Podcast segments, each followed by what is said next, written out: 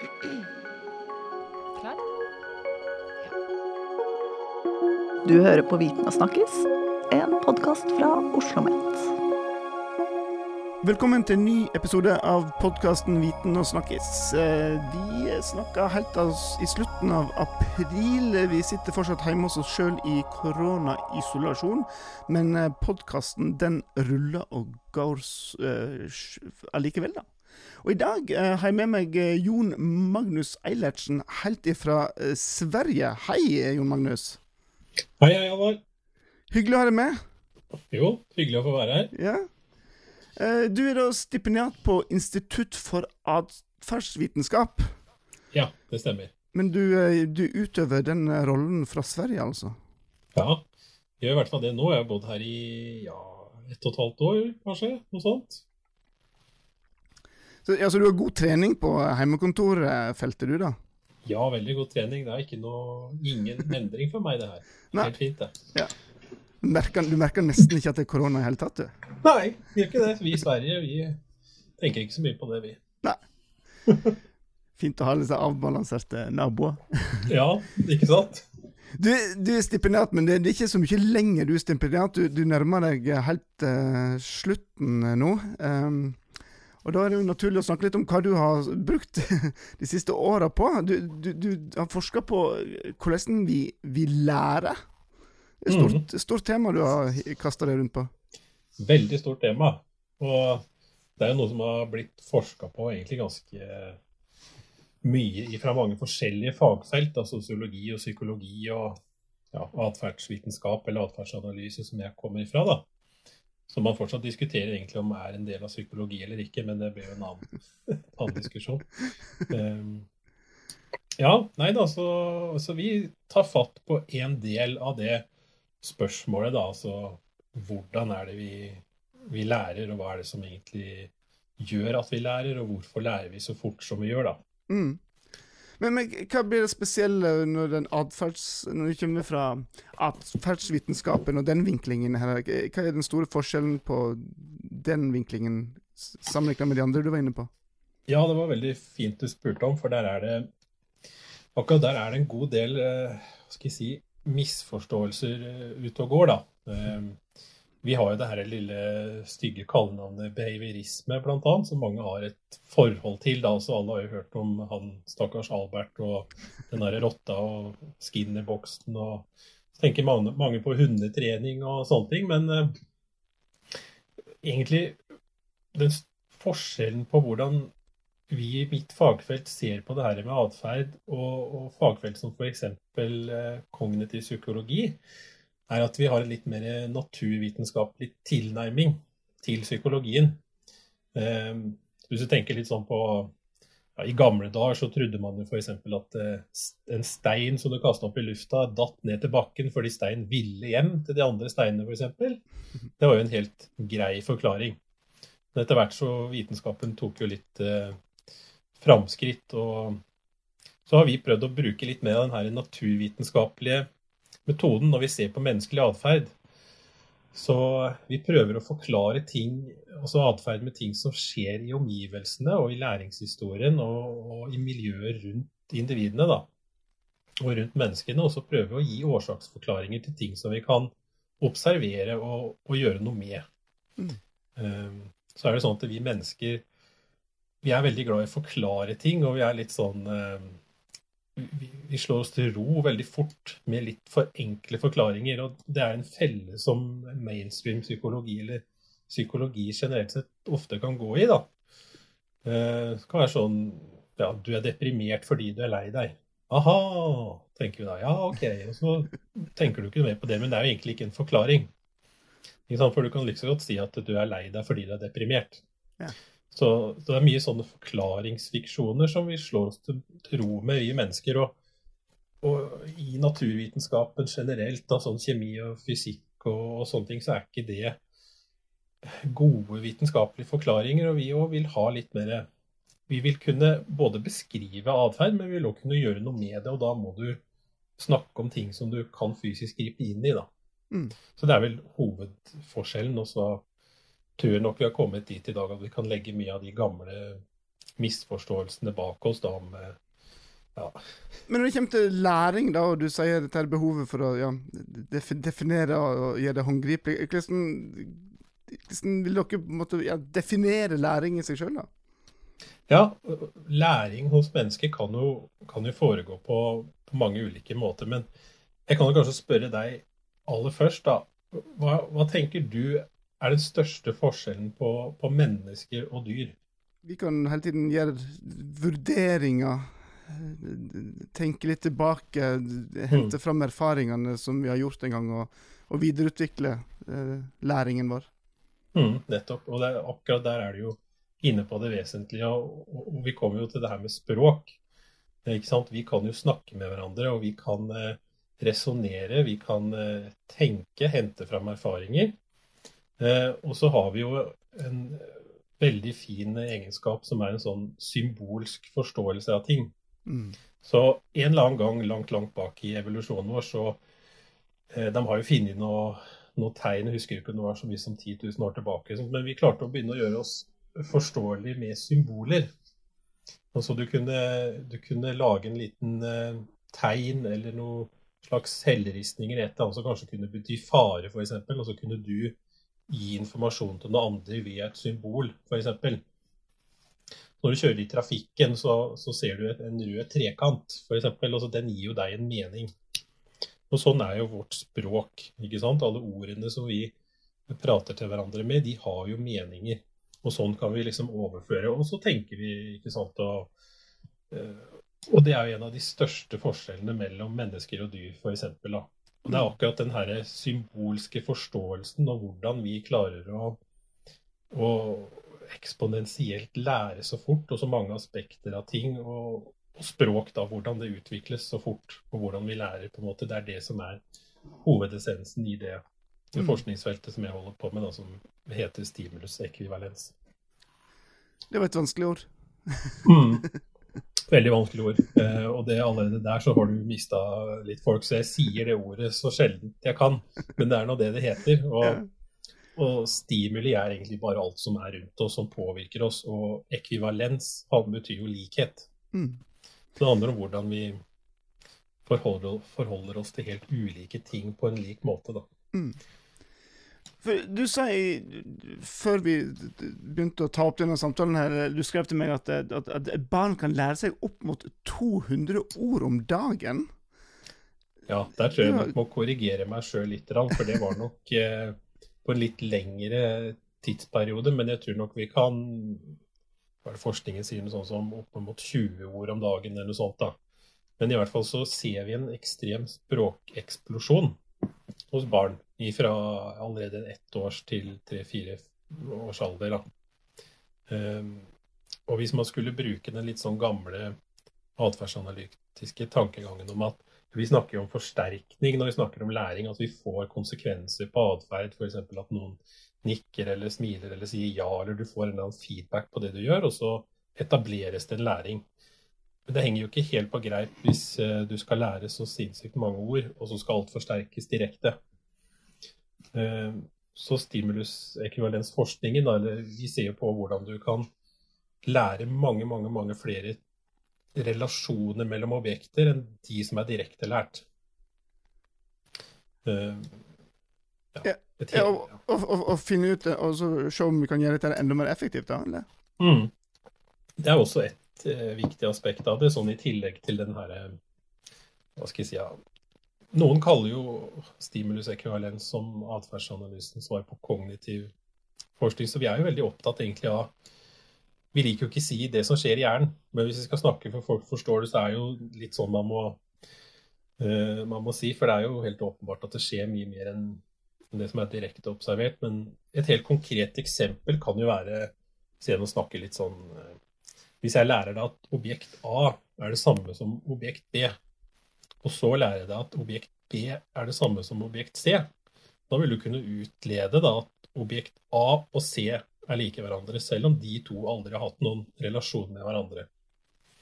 Og, og de her lenkene kan være mye lengre. og det er sånt uh, Så hvis de lærer deg noen få ting, så kan du få masse masse mye gratis læring på kjøpet da. Det er jo der vi mennesker spesifikt der som vi er veldig forskjell, forskjell fra dyr, blant annet. Da.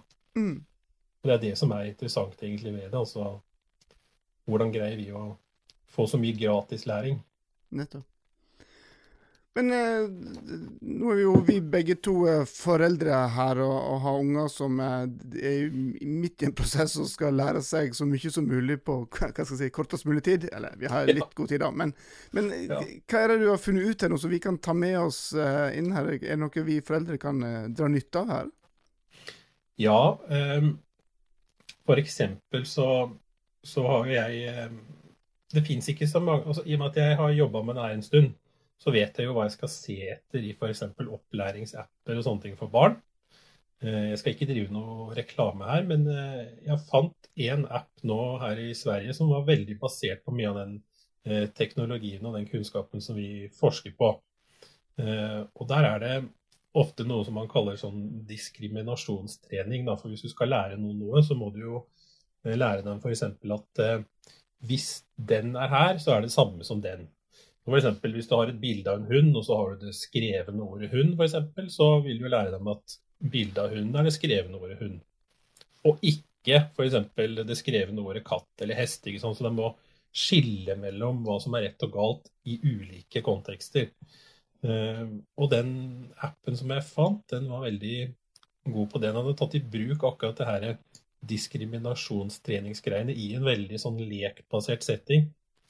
Eh, og dattera mi lærte ekstremt fort eh, ord, eh, ordlyder, for det trenger ikke bare være visuelt. Det kan være auditive ting, f.eks. Eh, hvis jeg sier eh, ja, sier hest, f.eks., og så skal du finne bildet av hesten. ikke sant? Det kan være crossmodalt, som vi sier. altså Det kan være lukt, lyd, bilder. ja. Så det er sånn én konkret eh, applikasjon jeg har sett. De har gjort en del forskning på å lære folk, eller elever, f.eks. Eh, ja, statistikk, matematikk, f.eks. Eh, medikamentlæring har de brukt noen ting på. Det er jo mange som sliter med det. Så da er det jo Sjøl har jeg gjort en studie, eh, Erik Arntzen og meg, der vi har lært f.eks. folk karbohydratinnhold i mat. Og da har vi helt enkelt bare hatt ulike karbohydrat-ranges, altså eh, 0 til 10, 10 til 20 og 40 til 50 f.eks. Og så kommer det opp i midten, og så skal folk velge ulike matretter som de tror passer inn. da. Mm. Eh, og på den måten så har vi kanskje på 20 minutter eh, lært folk karbohydratinnhold i ja, 20 forskjellige matvarer, da. Eh, For å gjøre de mer bevisst på sitt eget matinntak, da, eller? Ja, eller bare på, på altså næringsinnhold i mat. Vi, vi replikerte en studie som hadde gjort noe av det samme med kalorier, f.eks. Så vi ville bare bygge litt videre på den. Så, men jeg må, jeg må vel si at det jeg holder på med, er veldig sånn Det er jo grunnforskning, mye av det. Eh, og sånn som Erik Arntzen liker å si at vi, vi bygger stein på stein. Så forskningsfeltet vårt kan iblant miste litt av den her sexy sida. For, for at jeg kan ikke komme ut i morgen med en studie som på en måte revolusjonerer eh, alt. Eh, og det Jeg ser på det som en, som en liten sånn krise vi har i, i mye av forskningen i, i dag, egentlig. At vi er litt utålmodige. Vi, vi er veldig på jakt etter de her eh, VG- og Dagblad-overskriftene. og en veldig rask vei til å få det er jo å drive med mye spørreundersøkelser, litt sånn enkle anketter og sånne ting som du kan sende ut til folk. og så, så får du inn et svar, så kan du kjøre en grei analyse på det, og så kan du skrive noe veldig fort. Eh, Så folk forstår veldig greit, da. Du spør folk om noe Ja, hvordan har du hatt det i koronakrisen f.eks., og hvordan har det påvirka deg psykisk og sånne ting. da. Så kan du skrive en rapport om det. Litt problemet med det er at du manipulerer jo ingen variabler. Du, du finner ikke noen årsak-virkning-sammenheng. Og når du skal gjøre det, eh, så må du litt sånn hva skal jeg si, get your hands dirty. Du må litt ned i ting som kan for andre virke litt traust og trist, da. Så Men den forskningsfeltet har ganske lang fartstid på seg, og det har blitt utvikla en del ganske kule matnyttige ting basert på det, som behandling av ja, fobier og angst og ja, en del sånne ting som det Og da veit du at det funker òg, hvis du bygger stein på stein. Mm. Jeg skulle tro det at mye av de, de tingene du har, har, har forska på her, legge, kan ligge til grunn for pedagogisk forskning videre, annet da, for de som skal forske videre på skole og opplæring der, f.eks. Ja, absolutt. Og, og jeg tror vi, vi har en sterk interesse av å kunne samarbeide mer med andre fagfelt. Og hvis det skal gå, så må vi jo få slått beina litt unna de her eh, mytene og de her eh, Forskere kan jo være ganske sta. ikke sant? Det er sånn Min teori er best, nei, min er best. Og så kommer man egentlig ikke noe sted, da. Så, men jeg tror absolutt at eh, framskritt hadde vært mye enklere om man hadde samarbeida mer på tvers. Eh, og der tror jeg vi hadde hatt mye å lære av andre. Og i pedagogikken og barnehage, undervisning og begge veier, da. Mm. De av oss, og vi av de. Mm. Du, nå ga dere eksempel i stad med, med, dette med bilde og ordbilde, og dette med kalorieksempelet ditt, med at du, du, du ser sammenhengene her. og, og uh, Men du, du snakka òg noe om at du, du, ser på indirekte påvirkning. Mm. Hva er det du legger i det? Jeg skal prøve å lage et litt godt eksempel her. Uh, la oss tenke at uh, f.eks. det er en skoleungdom som uh, har en skolevei, du skal til skolen. Uh, på bussholdeplassen så er det noen litt sånn skal jeg si, ekle gutter, eller altså en gjeng som er litt ubehagelig, da, som kanskje mobber eller er ganske kjipe. det her vil jo medføre noen fryktrespons etter hvert hos deg. ikke sant? Du begynner å grue deg til du ja, Kanskje det skjer en eller annen ganske kjedelig hendelse på bussen, f.eks. Og så vil det her det her kan jo spre seg, for vi mennesker med de her tankene våre og hvor flinke vi er til å lære og sånne ting, så liker jeg å se litt på det som uh, The Force i Star Wars, altså The Dark og The Light Side. Det er veldig fint og flott at vi kan lære veldig fort, men det har òg en liten sånn mørk side fordi vi klarer å tenke oss sjuke. Altså vi Så når den her skoleungdommen da kanskje så blir han kanskje redd og får ubehag og sånne ting når han ser busskuere, f.eks et par dager etterpå kanskje han eh, syns det er ubehagelig å ta på seg skoa i gangen. ikke sant? Det er ting som han forknipper med at nå skal jeg snart gå ut døra. Så blir det kanskje ubehagelig å ja, i det hele tatt gå ut døra. Så blir det kanskje ubehagelig å gå ut av rommet ikke sant? hvis det er for baller på seg godt og lenge, og hvis man ikke gjør noe med det og bare ligger og elter i det her ubehaget. da. Og sånn kan vi jo si da til den ene eller litt flere konkrete ubehagelige hendelsene som da har skjedd på bussholdeplassen eller på bussen, de har jo da spredd seg ganske kjapt til kontekster og situasjoner der skoleeleven ikke har opplevd noe ubehagelig. Eh, og det å kunne finne mekanismene i det her, og hvordan det skjer, er òg veldig viktig. For da kan vi òg finne ut hvordan kan vi påvirke det, og hvordan kan vi endre det. Mm. Mm. Så, så, det skjer ikke sant, hele tida mye indirekte. Det er jo Alle kan sikkert komme på noen eksempler med ting som de har blitt redde for eller syns har vært ubehagelig, eller fått preferanser for òg, uten at de egentlig kan helt skjønne hvor det kommer ifra. Dette, dette var et veldig, et veldig, fint bilde og, og, og, lett å forstå. De fleste kan sette seg inn i den, den situasjonen som du beskriver. Men når mm. du som driver med grunnforskning skal forske på denne fenomenet indirekte her, hvordan går du fram da? Eh, I en studie vi har gjort eh, som, som, bygger på noen tidligere studier der de har prøvd å, å finne ut hvordan de her mekanismene kan påvirke f.eks. valg og preferanser da, for objekter eller ting som tidligere har vært nøytrale.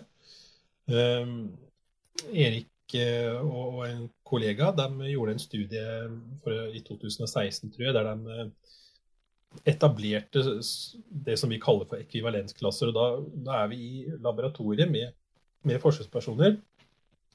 Og da lærer vi, vi, dem helt konkret at objekt A er det samme som objekt B, og objekt B er det samme som C. Og det er objektene som vi da viser dem på dataskjermen, som de må klikke på og assosiere sammen.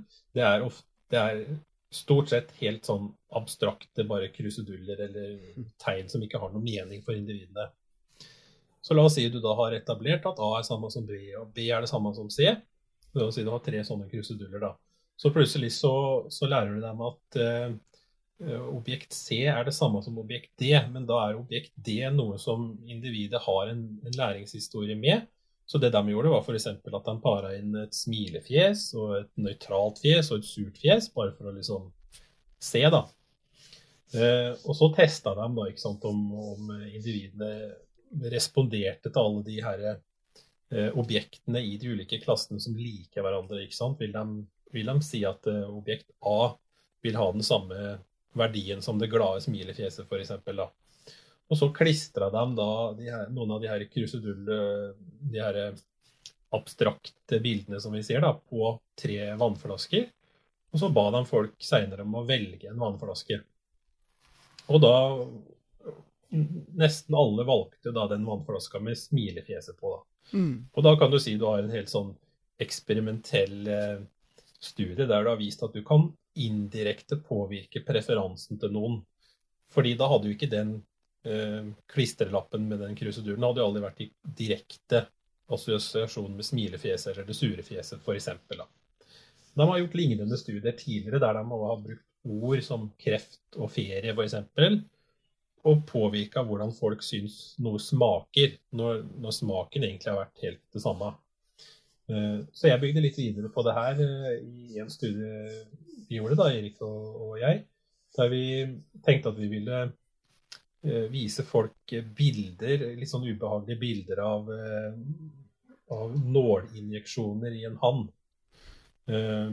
Og da lot vi først folk score hvilke bilder av nålinjeksjoner de syntes var mest ubehagelige og minst ubehagelige.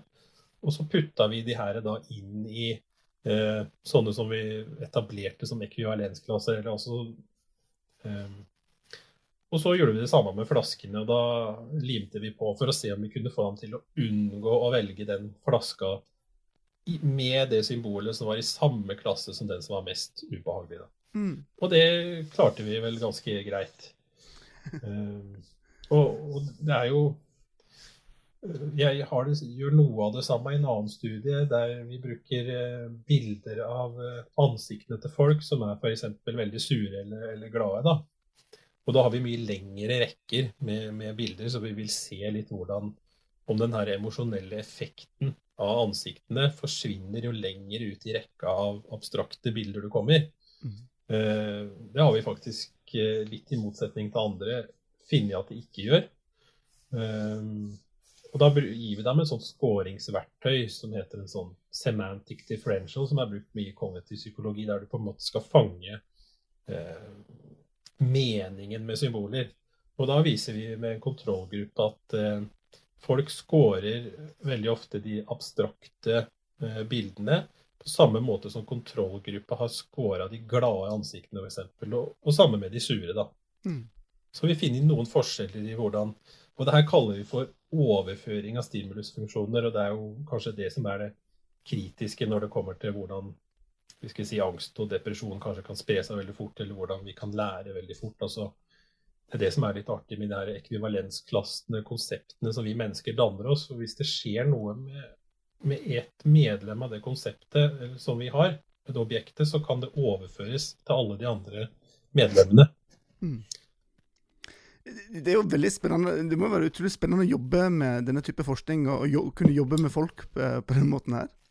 Ja, det er veldig spennende. Og jeg har jo Jeg tror jeg har jobba i vært i, i forskningsgruppa til, til, Erik i elleve år. Jeg begynte vel der i 2000 og... Nei, jeg begynte på vernepleien i 2009, og så tok jeg bachelorgraden min der i 2011. Hvor mye blir det av matematikk? Ti år? Og ni år? Ja, noe sånt. Mm.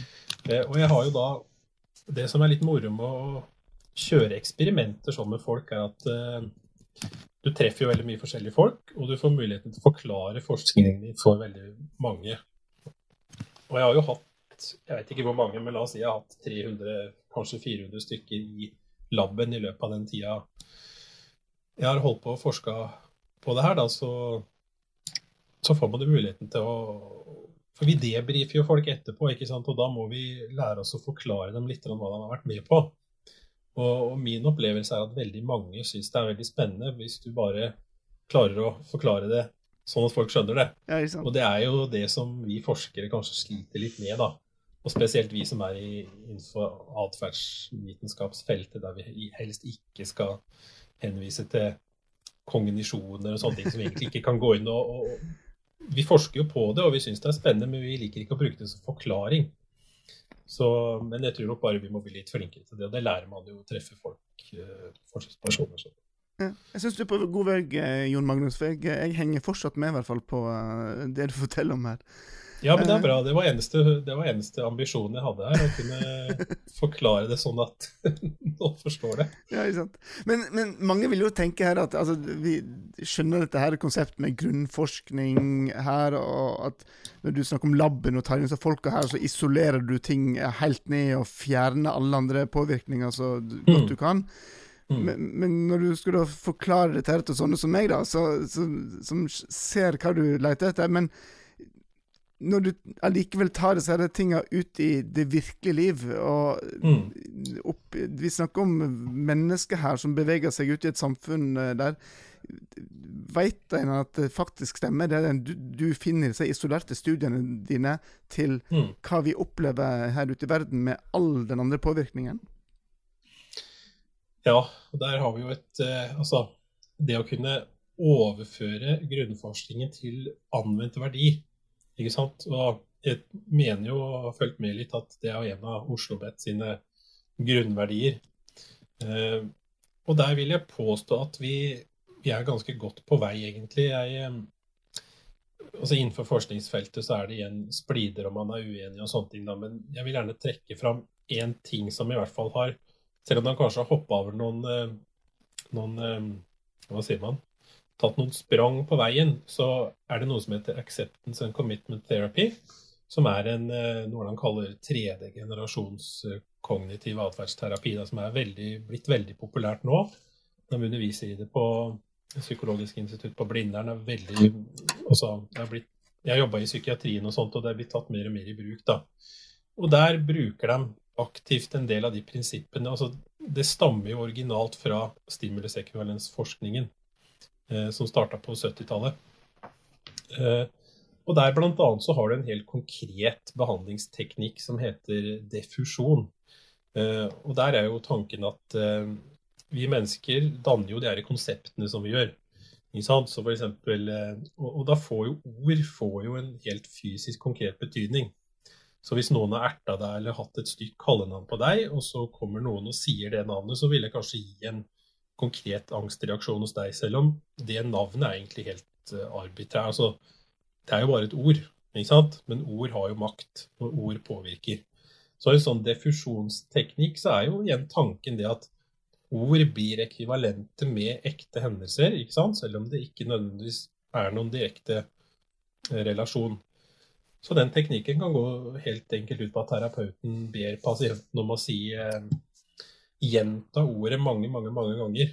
Helt til det mister sin hva skal vi si, ja, magiske kraft. da. Ja, den koblingen, ja. Ja, Så hvis du sier melk 100 ganger, så kommer etter hvert ordet melk til å bli veldig rart. Ikke sant? Det mister effekten. Og det er en helt konkret sånn teknikk som kommer ifra den der ekvivalensforskninga, da. Mm. Eh, så jeg har nok absolutt trua vi kan, jeg tror ikke vi kan være helt der at uh, Hva er det man sier det engelske uttrykket 'have your cake and eat it too'? Den, uh, jeg tror ikke vi har den luksusen, altså at vi kan både være i fronten og selge og være liksom uh, Ta kreden for alt som skjer, og allikevel sitte på bakrommet med, med grunnforskninga. Så man deler det ofte opp i litt sånne ledd. Så jeg tenker at det jeg sitter og gjør på, på laben, det kan jeg gi videre til noen. De funnene kan jeg gi videre til noen som er kanskje mer klinisk eh, anlagte. Så kan de bruke den teorien. Og jo bedre de holder seg til grunnforskninga når de lager en behandling, jo bedre, mer effektivt vil jo behandlingen bli. Eh, og så er det ofte fristende å ta noen hopp, da, ikke sant. Men eh, ja. Jeg håper det var litt oppklarende, da. Absolutt. Eh, det har vært veldig interessant å både lære om å lære, men òg få et litt sånn innblikk i eh, ja, som du sier, grunnforskningens eh, verden, og, og hvordan du, du tenker for Som du har vært inne på, så er jo det for mange litt sånn usynlig delen av all, alt som skjer, spesielt på et universitet. da. Ja. Og vi er nok flere som sikkert sitter på Oslo OsloMet i litt ulike labber, og, og som kanskje kjenner litt på det at eh, vi, Men liksom, vi publiserer artikler, og vi gir det ut i peer-reviewede journaler, og så får vi liksom, En gang iblant så kommer det kanskje noe som er litt sånn Hei, eller at man kan få litt eh, Jeg tror nok ikke vi kan eh, vente på den store, men det, men det hjelper jo å ha litt klinisk erfaring og sånn nå når man, når man jobber med det, så man ikke mister helt fotfestet. For man må hele tida ha i bakhuet når man driver med grunnforskning, og at det her skal ha en anvendt verdi. Mm. Så må man eh, Så jeg har jo jobba og klinisk, eller jeg har jobba anvendt en del år, og jeg prøver hele tida å ha det med meg når jeg driver med forskning. Spennende. Men du, eh, nå er det ikke så lenge til du skal avslutte stipendiatlivet og eh, disputere og sånne ting. Mm. Hva skjer etter den? Jaha, du. Den som visste det. Ingen planer der, altså? Ja, altså jeg eh, Nå bor jeg i Karlstad. Eh, Jeg har tatt på meg noen eh, enkle oppdrag på universitetet i Karlstad og undervist litt på De har en profesjonspsykologlinje her. Der har jeg undervist lite grann, så tenker kanskje jeg kan jobbe der etter hvert. Eller så har jeg jo en liten konsulentstilling i et forsikringsbyrå. Ja. Der jeg eh, veileder litt på er på Fremtind. Eh, De utvikler en app som skal lære folk å kjøre tryggere. Eh, Og der drar jeg inn kompetansen jeg kan om atferdsendring og sånne ting, og viser dem litt om hvordan vi kan tilrettelegge i den appen og, belønne eller forsterke tryggere atferd hos sjåfører, annet. Så nei, vi får se. Jeg tror nok det å kunne påvirke atferd, altså da selvfølgelig helst i positiv retning, det er nok en kompetanse som, som blir mer og mer ettertrakta. Jeg ser det òg i ja, Forsikring åpner mer og mer opp for det, f.eks. når man tenker seg mer og mer sånn atferdsbaserte forsikringer og sånt. og Undervisning kan jeg jo jobbe med, og ellers er jeg jo vernepleier i bånn, da. Så jeg kan alltid jobbe med det. Jeg tror nok det skal gå helt fint. Det høres sånn ut. Jeg er veldig åpen for eh, det meste, egentlig.